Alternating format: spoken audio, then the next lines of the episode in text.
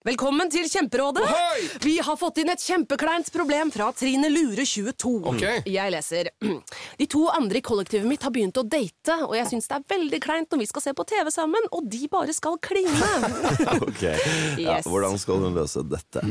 Siden Trine Lure er under 30, får hun jo ubegrenset data fra Telenor fra 399 kroner. Da Da kan hun sette seg på sitt eget rom, streame så mye hun vil på mobilen. Ja, hun kan jo se på nye mobilabonnement på telenor.no. Ja, det er lurt.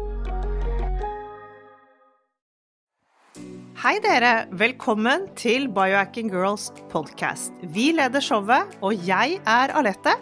Og jeg er Monica. Vi er gode venner og kolleger, og vi legger sammen våre erfaringer og kunnskap for å inspirere deg til å bli din egen biohacker og optimalisere livet ditt. Vi følger med på ny forskning og trender, og stiller de spørsmålene vi mener er nødvendige. Ja, vi deler informasjon om biohacking, life coaching og fitness, og vi håper at du vil føle deg inspirert og klar til å ta et tak for å komme i den beste helsemessige form. Velkommen til Biohacking Girls podcast. Forrige uke snakket vi med Steven Hussey om hjertet. Hvordan det fungerer når hjertelidelser faktisk oppsto, når man er mest utsatt for disse sykdommene, og alle disse mytene rundt fett. Ja, Vi snakket òg om kolesterolet, og særlig hva høyt LDL-nivå betyr, og hvilke konsekvenser statiner har, og hva man skal tenke på. Dagens episode i denne miniserien fortsetter å handle om hjertet, men denne uken skal vi gå inn på HRV, hjertevariabiliteten knyttet opp mot hjertehelse. Ja, vi vil snakke litt om livsstilsendringer, om dette forferdelige stresset og miljøpåvirkninger, og ikke minst gode tiltak du kan gjøre for å optimalisere din egen hjertehelse. Velkommen til Biohacking Girls podcast og del to av denne serien med dr. Stephen Hussey. Welcome back to the show, Stephen Hussey. There's so much information and topics to understand while discussing heart health. And this week we will talk about stress and solutions. How about that, Stephen? That sounds perfect. Let's do it. Yes. so uh, HRV is becoming more and more popular to monitor these days. We check in these numbers daily. Um, how can HRV, heart rate variation, help us understand the health of our heart? Yeah. So, I mean, heart rate variability is the time interval between heartbeats, and it's supposed to be variation. But I like to describe it as something else called respiratory sinus arrhythmia. And so, basically, what that is, like if someone, you know, was to look you know, like they find their pulse on their their wrist, you know, on the thumb side of the wrist, and you find your pulse, and you take a breath in, then you'll feel your heartbeat quicken a little bit. It'll go a little bit faster. And if you slowly breathe out, the pulse will slow a little bit. And that's like the difference between the, the fastest it gets when you breathe in and the slowest it gets when you breathe out is called your respiratory sinus arrhythmia. And it's measuring the same thing as heart rate variability. It's measuring your ability to adapt to a stress. So if the fastest it gets when you breathe in and the slowest it gets when you breathe out is a very narrow window, then you, you're not adapting to stress very well. You don't have the ability to go back and forth between a stress and a non-stress state. But if you have a bigger window and it gets faster and slower from breathing in to breathing out, then your body, that's showing your body has an ability to go back and forth readily and healthily between a stress and a non-stress state.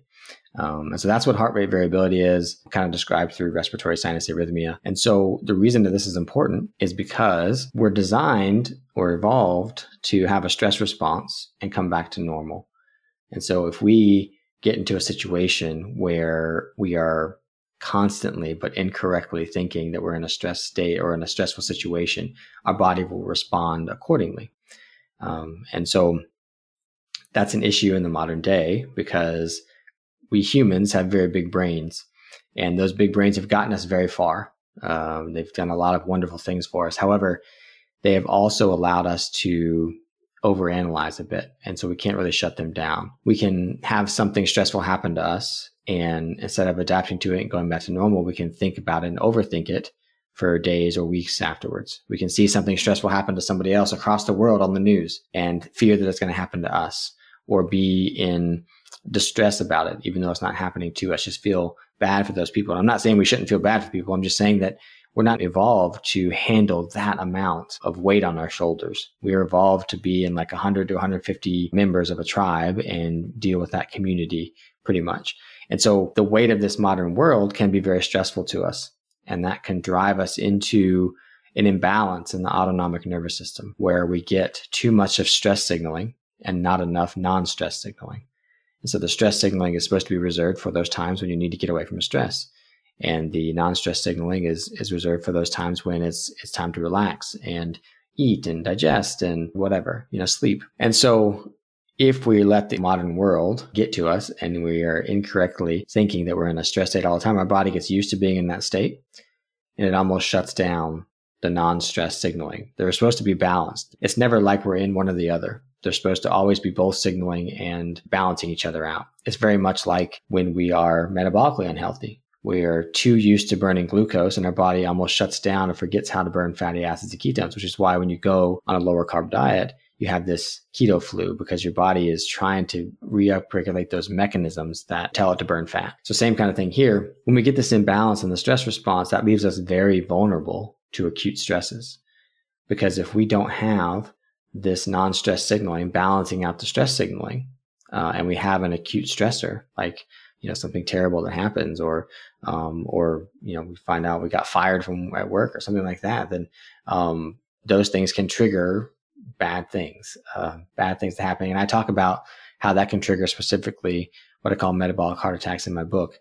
But even if it's not an acute situation, if we have this down regulation of the non-stress response over time and, and low heart variability would be the thing that would measure that. If we do that over time, then our body is always thinking that we're under stress. And so it's never reserving time for sleeping or eating or procreating or detoxification or those types of things. And so in people who have this imbalanced stress response or, or low heart rate variability, lots of times we can see things like poor digestion, or we can see like insomnia, or sexual dysfunction, or detoxification issues and liver stress and things like that. And so how we're perceiving the world in our emotional state is very, very important when it comes to disease. And there's all this talk about diet and exercise, and those are very important things to pay attention to. But it's, I think, more important to pay attention to your emotional state. And there are studies out there that show that what you're thinking emotionally will affect you know how your cells work and what they're expressing you know and there's this emotional connection we have with our hearts and i think there's no mistake in that we say things like i love you with all my heart we don't say i love you with all my elbow you know um, um, maybe some people do i don't know but uh, but uh, and we say things like i gave it all my heart you know, like when we're trying hard to do something and we tried our best, you know, we put all our emotion into it and we use our heart as the organ to say that. And it's because I think the heart is kind of like this sixth sense organ that's, that's detecting our emotional state and relaying that to our body so we have the appropriate stress response. So if we're emotionally distressed for whatever reason, our heart is measuring that. And that's why we measure that distress through heart rate variability. Um, there's actually nerves that go from the heart directly to the muscles of facial expression because how our heart is feeling, our face is expressing. And so that's, it's just really, really fascinating. And people might say, oh, it's like woo woo and everything. But if you look at the studies on heart rate variability and disease, and I'm not just talking about heart disease, I'm talking about all disease. If heart rate variability is not as robust, is not as in, in uh, not as healthy, then we're going to see a lot of issues um, in, with chronic disease. And um, it's because we are emotional beings. You know, we evolved to be social, and if we have bad emotions, that's going to reflect in our health. And if we have good emotions and are expressing gratitude and love, um, then uh, we're going to see a different, uh, different outcome. It's interesting. Uh, sometimes we even cause that stress on ourselves, uh, just thinking. Like in your book, Understanding the Heart, uh, the situation when the last trip you had in Europe, when you had a taxi uh, trip to the hotel. Mm can you tell? You caused uh, yeah. immense yeah. kind of stress on yourself just thinking. Yeah, yeah, and and that's the type of thing. You know, this story is the type of thing that happens on a day to day basis for a lot of people. And so, like, I'm trying to tell this, this this one story, but it's not like that's just one thing that happened to me. You know, this can happen over and over again, and that's what leads to the imbalance. Your body gets used to being in that state and forgets how the other state. But yeah, I was I flew into Turkey and um, it was the end of our trip. And so uh, we were you know i had a budget of how much i wanted to spend on the trip. So we were getting toward that budget. Um, and so i wanted to spend as little as i could on this trip or this last little stop we were making.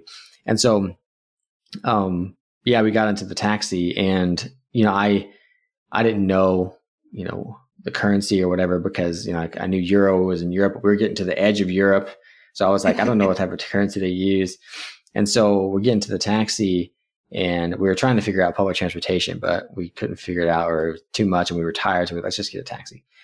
And so we got a taxi, and I'm sitting there in the passenger seat and I'm just watching the little meter and it just goes up and up and up and it's like it's like 10 and 20 and 30 and 40 and i'm just like oh my gosh i'm on my phone like how far is the hotel oh my gosh this is getting crazy i was like and then it got to like 100 or something i can't remember the exact numbers but i was like okay we're not going to be able to go see any see anything or can't spend any money while we're here for these two days. Um, and so i get to the hotel it's like i don't remember some number that was way more than i wanted to spend in euro. And so I hand the the cab driver gets out, puts her bags down or whatever, and I hand the guy whatever amount that it was in euro, and he looked at me confused, but he didn't speak English, so I was I was trying to say like, I was like, well, how much is it, whatever, and then the guy from the hotel, the concierge, came out, and he saw that we had these confused looks on our faces, and he was like, what's going on? The driver told him like whatever he told him, and the guy was like, oh, this is way too much. You have any smaller bills? And I was like, what are you talking about? And I pointed to the cab, and I was like, this is the amount, and he was like he was like, no, it's in Turkish money.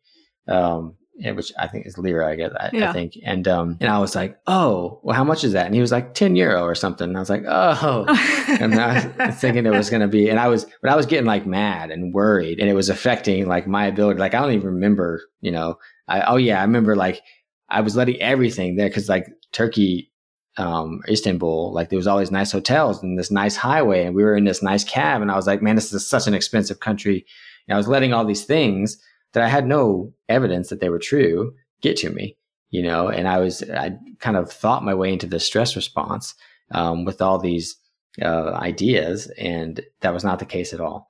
Um, and the physical and, response on your body is still uh, yeah. the same. The same. And I tell people all the time that, you know, the sounds of a like if you're walking in downtown New York and all the sounds of the construction and the car horns and whatever else you hear, like our minds are smart enough to override and we say, oh, I'm not in danger, right? But our body is still having a physiological response of those noises that are not natural to us. It's still having a stressful response to them. Less so because our brain gets to override them a little bit, but it's still stressful to us. And so we're surrounding ourselves with those types of things. Um, and so then, you know, if we do that day in and day out, our body gets used to being in the stress state and it, it's kind of stays in that stress state. And that interferes with our ability to handle stress and go back to homeostasis. We get stuck in the stress state, and that's when we get low heart rate variability. Um, you know, suggesting that there's low adaptation that damages the heart, and I think is the driver behind angina, which is chest pain. You know, yeah. because when the heart is being forced to burn more glucose than it wants to in a stress state, which is what happens in a stress state, um, that can create a situation that causes you know too much burning of glucose that um, causes increase in lactic acid and hydrogen ions, which can cause pain in that muscle. Just like when you go for a run, the muscle in your leg, that's a stress state. You start burning glucose, you get lactic acid buildup with hydrogen ions, and that causes pain, right? This just burning pain. The same thing happens in the heart muscle um, when we're under stress. So, so yeah, we will continue to monitor our HRV. That's for sure. Yeah, mm-hmm. it's it's fun actually, and to see how everything affects us. It's I've learned so much, and that, so have you. Yeah, but I think it's uh, really important to discuss a little bit how we can uh, support uh, the health uh, of the heart. Yes, and find uh, yeah good ways yeah in in the last yeah. episode we had with you you um, talked about your morning routine and uh, can you share with us some good tips to start the morning off on our right foot so we don't get so stressed? Yeah. And one thing I think I should say first is how we interpret that number of heart rate variability. Like, so they say anywhere from 20 to 100 is normal, and you never want to compare yours to anybody else's. You want to find a device that can help you measure heart rate variability. There's lots of them out there. Um, and, um, and you get your baseline number, which may take a week or so to get just to kind of see what you stay at and then you just work to do things to improve it from there. Um, it's not a competition with anybody else. It's just this is my heart rate variability. If I do this, I see it go up a little bit. Oh, great! I'll do more of that. You know, if if I'm really stressed and doing this, it goes down. Okay, I should try and avoid that or whatever. Um, so so yeah, and so really what are point. those things? Yeah. yeah. So what are those things that have been shown to in, increase heart rate variability and increase our adaptability to stress? Well, one, I mean, there's the obvious ones. Uh, well, maybe they're not obvious to everybody, but they're like you know, meditation or prayer, whatever it is for you that you do, uh, some kind of sense of something bigger than yourself um, is important, I think. Um, time in nature, sunlight, I'd say a good circadian rhythm. So trying to, as much as you can, link up your awake hours to, you know, the light and the sun, being exposed to the sun, and then minimizing artificial light at night. Um, those types of things, uh, grounding, being in direct contact with earth, uh, cold exposure, even just hot cold therapy. You know, it's why I do the infrared sauna, and then I go straight to a cold shower. Um, and it's and it's pretty cold shower this time of year because it's, Yes. it's cold out. But um, yeah, those types of things. Uh, you know, just being in contact with the the environment or creating a an environment within the modern world that's more like the environment that humans were in for a very very long time. Uh, those types of things are important. But then there's also things like uh, stranger ones that are more like hacking. You know, like you know, stimulating the gag reflex. It stimulates the vagus nerve, which communicates this signal. Things like that, or splashing cold water on your face, or things like that.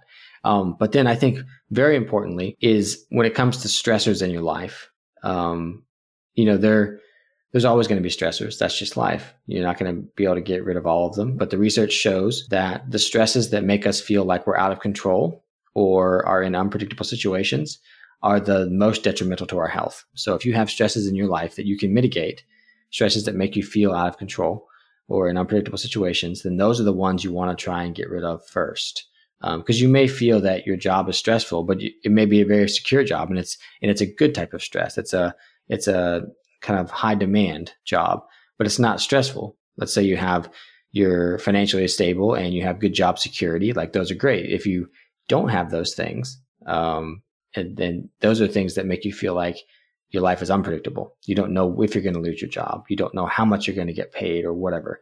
Those are the stresses that are more detrimental to our health. And those are the ones we should look to mitigate first. Um, and then, but like I said, there's always going to be stresses. So that's why I think like a, some kind of mindfulness activity is very important. Like change your perception of stress. Um, because, you know, it's not always the end of the world if something bad happens, you know, like if, I mean, smaller things, like I know people who get cut off in traffic and just are irate, you know, and they can't let it go. It's just like, that's not a healthy response. Um, and you've got to find more peace with that thing that happened. Um, you know, so because, because that's having a, a very negative impact on your health.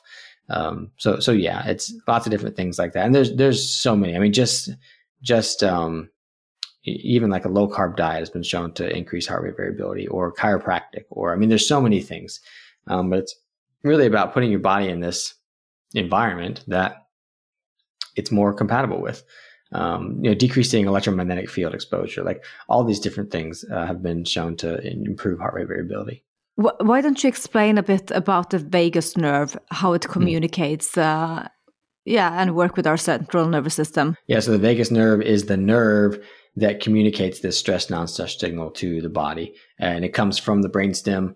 Uh, it's the 10th cranial nerve comes down to, and it connects to all the organs in the body.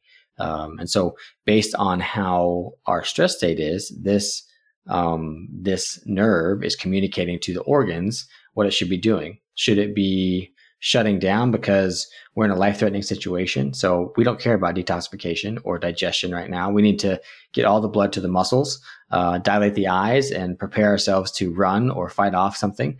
Is that what we're telling it to do, or are we telling the vagus nerve to communicate signals that say, yes, we can like you know wake up the organs you know let's detoxify let's digest let's uh, calm the heart rate let's do all these things you know.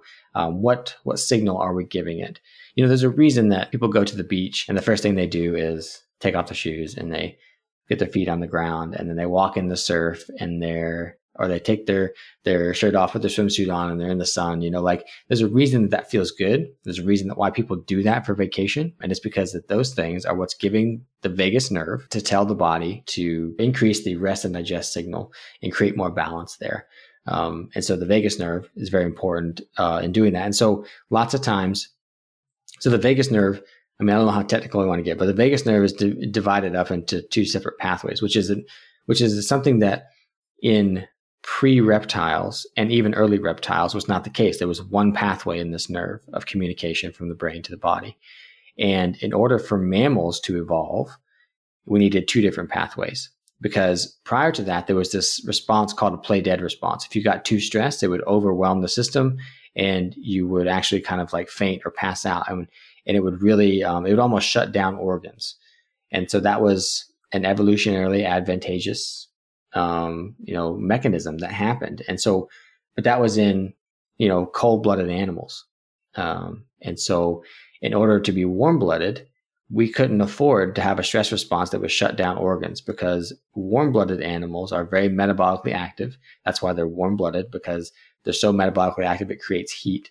And so, in order to do that, we had to evolve two pathways in the vagus nerve to prevent this shutdown um, or this overwhelming of the vagus nerve to create organ shutdown. And so, that second pathway evolved when we start seeing uh, more highly evolved reptiles and then eventually mammals, which evolved from reptiles, of which humans are. We are mammals. And so we have this stress response that can happen that doesn't cause the organ shutdown. Now, I don't think evolution was accounting for the very quick change in, in environment that humans went through because we we have within a very short evolutionary amount of time we have removed ourselves from that natural environment so to speak and put ourselves in this modern day human created environment which is quite stressful to us and creates these imbalances in the vagus nerve. And so what happens or what can happen and what can happen is we can get this shutdown of that part of the vagus nerve that prevents the overwhelming of the previously evolved vagus nerve and we can go into that organ shutdown which to me sounds very much like a metabolic heart attack. So which I describe in my book. And so that's the type of thing that can happen if over time we inhibit this evolved process that tried to keep us from having that response. Um, so this is uh, something called the polyvagal theory from Dr. Stephen Porges and others.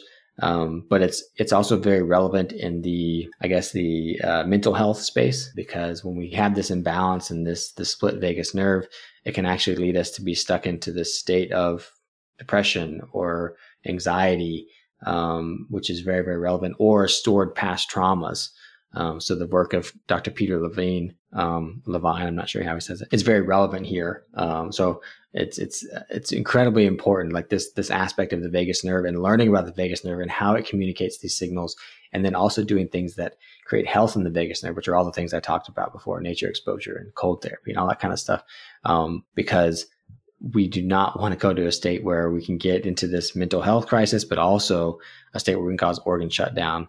Um, so it, it's it's this aspect of health that not a lot of people talk about, but it's incredibly, incredibly important. I, I just recognized in myself when I'm talking negatively to my vagus nerve. At least I'm mm. I'm uh, finding out uh, uh, like I'm uh, talking. Uh, you cannot do this, Monica, or you cannot fix hmm. this. Uh, oh, okay. I'm talking negative to my. How do you chat with it to emphasize the good qualities? yeah, so I, it, it could just be. I mean, to me, little mantras uh, that I that I say to myself. And I've read a lot of books on you know self love and that kind of thing because we tend to be negative about ourselves because there's so many things in the world that that tell us we should be better, we should be something else, and we don't have to be those things. And we're looking at social media comparing everybody's highlight reel to our life. You know, when in reality, those people that we're looking at on social media, they got bad things in their life too. They're just not posting it all over social media. You know, and so we're we're comparing ourselves unreasonably to those people. But like, you know, how we talk to ourselves, and and it's it's not just how we talk to ourselves and self love, which is very, very important, but it's how we view the world as well. Um, and so like I have like, I mean, it's right here. I have this little thing that I, I, I read a book one time and it was, thought it was very, very good. So I typed out these little things that I say to myself. Um, and I'll just read you a few of them. Yeah. Oh, um, great. The mantras. Just do not struggle for approval, seek control, or have fear. Just know thyself and be, which to me suggests, you know, we're not looking for anyone's approval or trying to have control when we can't because that's just an out of control thing or fear anything. Just know yourself. If you know yourself, then you're not scared of what someone thinks of you. And if you know yourself, you're not trying to control the situation. You, you know yourself and you know you're within your boundaries and you're good. Um, let's see. Focus on intention rather than attention. Attention is in the present and intention is for the future. Accept the present, which is hard for a lot of people to do. Accept the present as it is and intend for the future. Um, lots of times people don't accept the present because they're like, if I had just done this, if I had just done that, it's like, well, that's in the past. You can't affect that anymore. So accept the present as it is and intend for making the future better. I don't know. There, there is something that you can do better than anyone else in the world. Use it to serve humanity. Um, just different things like that. Oh, you know, like that's beautiful. Yes. Those yes. are things that, those are things that I, I, I put it there so that I will stop and read it every now and then. Or if I'm having a, a rough time or whatever, I, I, stop and read those things and it reminds me of how I should approach those tough times or something. Um, incredibly useful for changing your perception of, of stress and your situation and then helping you tone that vagus nerve. And very relevant for the heart. Very relevant. But uh, something else that's re- really relevant for the heart is supplements and our lifestyle solutions. We have touched on some of it, but do you recommend any supplements like vitamin D, magnesium, anything like that? Or do you take anything? Yeah, I take a few things. I don't necessarily, you know, blanket recommend supplement or a, a supplement or anything for everyone. I think magnesium is a very important supplement that we don't get enough of, and it's um, very important for muscle health and heart health in general. Um, but there are lots of different forms of magnesium, so there could be, you know, different ones specific for individual people that would be best for them. I think that when it comes to supplements, again, that by definition, they are something that should supplement a healthy diet. Uh, and if, if we're not eating a healthy diet and trying to cover it up with supplements, you're missing the boat. Uh, you're missing the whole idea. But that being said, you can take supplements to boost certain nutrients. Um, I'm I'm a fan of more whole food supplements, uh, sourced from whole foods. Um, we also have to understand that with supplements, um, they're synthetically made a lot of them, and we don't know that they're doing the same thing that they would coming in a whole food. So um, I think that supplements of of whole foods could be useful. Like you know, if you don't want to eat liver, you could take some freeze dried liver uh, or powdered liver. You know, and that's just a whole food supplement that you can boost um, your nutrient content with. Um, for heart health specifically, uh, I think that magnesium is important. I think that you could consider things like carnitine or creatine or or taurine or carnosine, which are all things found more heavily in animal foods. Um, and so, I mean, I took I took uh, carnitine and and taurine and things like that after I had my heart attack. I was trying to get the you know lining of the artery to heal, um, and as far as I can tell, it has um, those types of things. Um, you could take um, for specifically specifically for heart health. There's one supplement called ouabain or Strophanthus that um, has been shown to increase the parasympathetic or vagus nerve signaling to the heart specifically. And this is something that our body makes itself. The kidney or the adrenal glands make it. Um, and uh, we can just give yourself a little more of it um, and increase that, that stimulation to the, the heart, of the, the vagus nerve. Um, yeah, I mean, I, I, would, I use supplements. I have people, I recommend them to people. It's just on an individual basis, you know. Um, there are a lot of important. Omega 3 is probably a good one. Omega 3, it's really about decreasing your omega 6. Yes. Um, you know, if you're decreasing your omega 6, You don't need them. then you're trying to find the right ratio, right? So rather than take a bunch of omega 3 to try and balance out the omega 6, I'd rather you just decrease the omega 6, which is the vegetable oils, the unsaturated fats. And then if you're eating a good diet of animal foods, you're getting plenty of omega 3s um, as long as you're decreasing the amount of omega 6s. That's, that's more important to me. Yeah. In the book, you are talking about beta blocks to uh, raise the HRV. How does that work? I don't think anybody exactly knows, um, but it has been shown to increase heart rate variability. Uh, when I look at the studies, they don't really have clear explanations. Uh, they just notice it, and so they're like, "Oh, great, we can use it for that too." Um, when in reality, it's probably have I what? Have you tried it yourself? Um, no, um, I haven't. Uh, I I prefer the the more I would say natural, but that's just a word. You know, the more um, evolutionary consistent Mm. uh, ways to do it. Doesn't mean that I never would, because I think that's an important thing. Is that just because we find something that helps us or heals us doesn't mean it always will, and we have to have the wisdom to change. So so yeah. Um, Is Yeah. coffee good for the heart? there are some compounds in coffee that are said to be good for the heart, as far as polyphenols and things like that. I think the jury's kind of out on whether or not external antioxidants are as good for us as the ones we make internally. But people always say, oh, yeah, you know, I think it's individual. So if someone is drinking coffee, they get a benefit from it, you know, they're not loading it with sugar and, and other things like that, then it can be beneficial. But I also know some people that the caffeine really affects them. And they're those people that are probably already in that stress state or, or in that unbalanced stress state. And then the coffee's putting them over the edge and they can get, actually get arrhythmias and things from it. So you just have to be knowledgeable, um, uh, and kind of be in tune with your body. Uh, but I drink coffee and I, I think that it's, it's fine and, and beneficial. Um, it's just, you gotta be, you gotta analyze your own situation, you know, How about alcohol? Is it good or bad for the heart?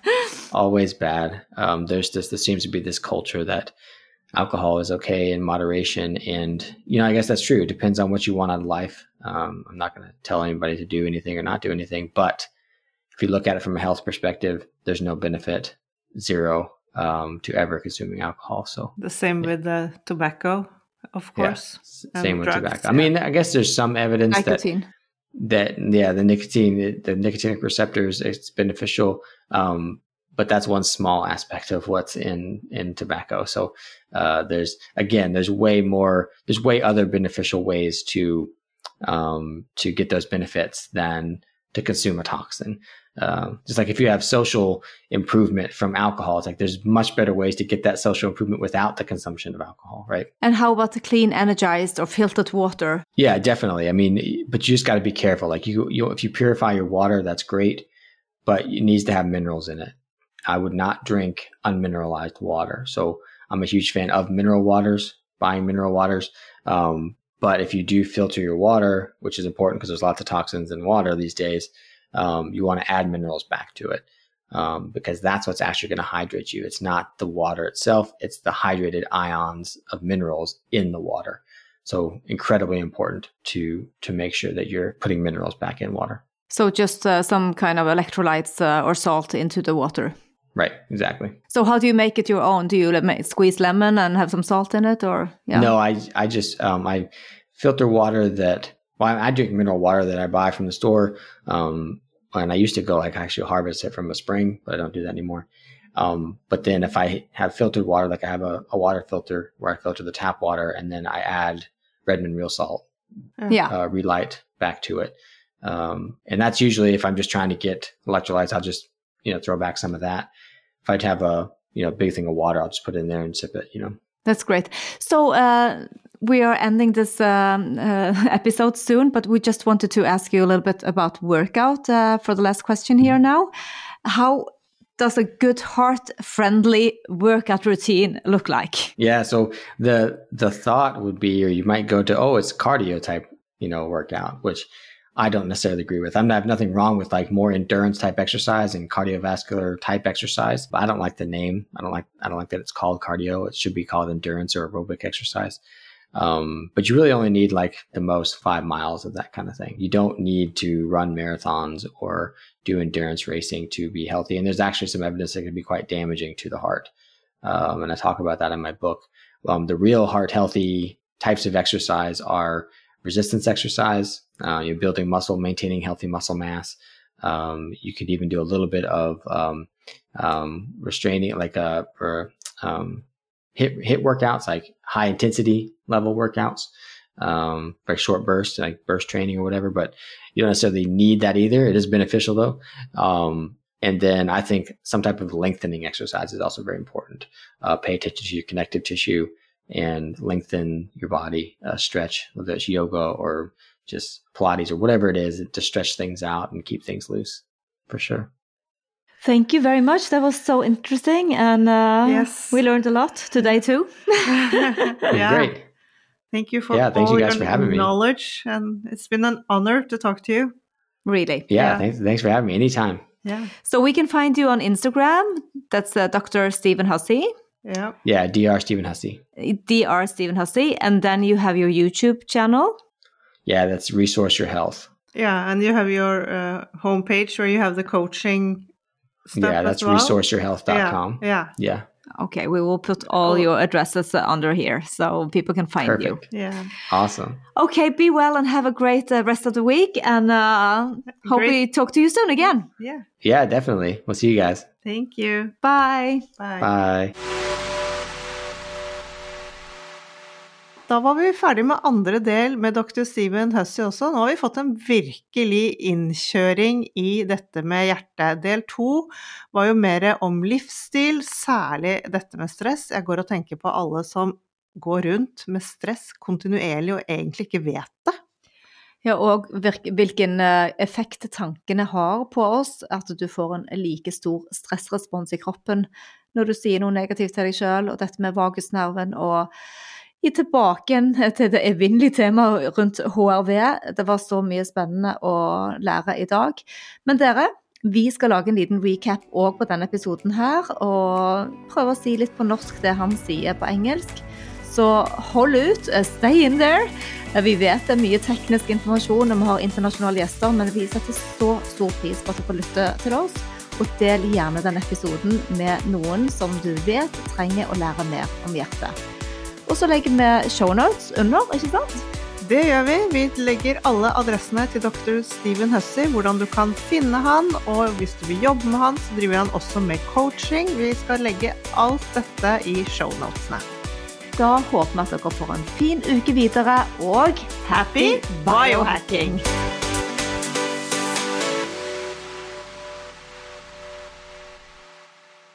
Vi minner om at dere må snakke med egen lege eller kostholdsveileder om dietter og andre spørsmål relatert til medisiner og supplementer. Informasjon vi deler, kan ikke bli brukt til å diagnostisere, behandle, forebygge eller kurere noen sykdommer eller tilstander. Velkommen til Kjemperådet! Ohoi! Vi har fått inn et kjempekleint problem fra Trine Lure 22. Ok. Jeg leser. De to andre i kollektivet mitt har begynt å date, og jeg syns det er veldig kleint når vi skal se på TV sammen, og de bare skal kline. Ok, ja, Hvordan skal hun løse dette? Siden Trine Lure er under 30, får hun jo ubegrenset data fra Telenor fra 399 kroner. Da Da kan hun sette seg på sitt eget rom, streame så mye hun vil på mobilen. Ja, hun kan jo se på nye mobilabonnement på telenor.no. Ja, det er lurt.